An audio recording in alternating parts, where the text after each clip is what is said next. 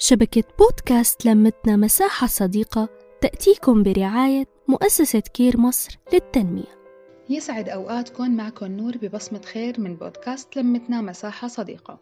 موضوعنا لليوم وفاة شباب وبنات صبايا وبالغالب عم يكون تحت عمر الثلاثين. شي عم نلاحظه بآخر فترة وبيوجع القلب كتير. شو الأسباب اللي عم تضغطهم لحتى يتعبوا هالتعب الكبير؟ شو يلي عم يواجهوه؟ ويحسوا بالعجز اتجاهه ويتفاقم بقلبهم وتسبب لهم سكتة قلبية ويروحوا عند أرحم الراحمين. فيني أحكي شوي عن وضع شباب بلدي السوريين. أول ما يصيروا بعمر السبعتاش إذا مو قبل كمان بيضطروا يسافروا لبلد تاني ويصيروا مغتربين. المسؤولية حملوها بعمر صغير كبروا قبل أوانهم واعتبرناهم بالغين عاقلين راشدين. بعد ما كانوا قدام أهاليهم ودائما الطفل قد ما كبر بعيون الأهل بيبقوا الصغار الطيوبين. تركوا أهلهم وجيرانهم رفقاتهم وأحبابهم وطلعوا على بلاد مختلفة وصار بالقلب بدل الألفة ألف وحشة. مو سهل يتأقلموا على الوضع الصعب. مو سهل يصحوا ويناموا وما يلاقوا مين يونسن بدلاله وبكلامه. والأصعب من كل هالشي هي الكفوف يلي بتجي للإنسان وبتربيه ألف سنة لقدام.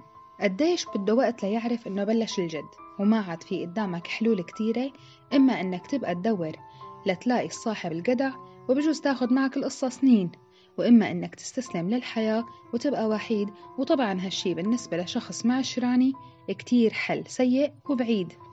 ملخص الكلام هي الأشخاص يلي عم تموت. بتموت وبقلبها ألف غصة على شبابها يلي عم يروح قدامها. على حسرة شوفة أب وأم توفوا هن بعاد على شغل ليل ونهار وما بيرحم ومسؤوليات أكبر من قدرتهم على مصاريف وأسعار جاية من المريخ ورواتب من الزمن السابق. على شغل بالليل ودراسة بالنهار على وحدة عم يحاولوا يتعايشوا معها وبآخر الليل دمعاتهم على مخدة شاهدة على حرقة قلبهم وشعورهم يلي عم يذبح. والنهاية عم تكون وحدة سكتة قلبية غير معروفة السبب وللنهاية هي طلع في مليون سبب وسبب.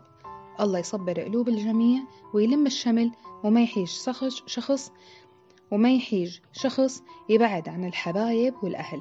انتظروني بحلقات قادمة. نحكي نتشارك نتواصل.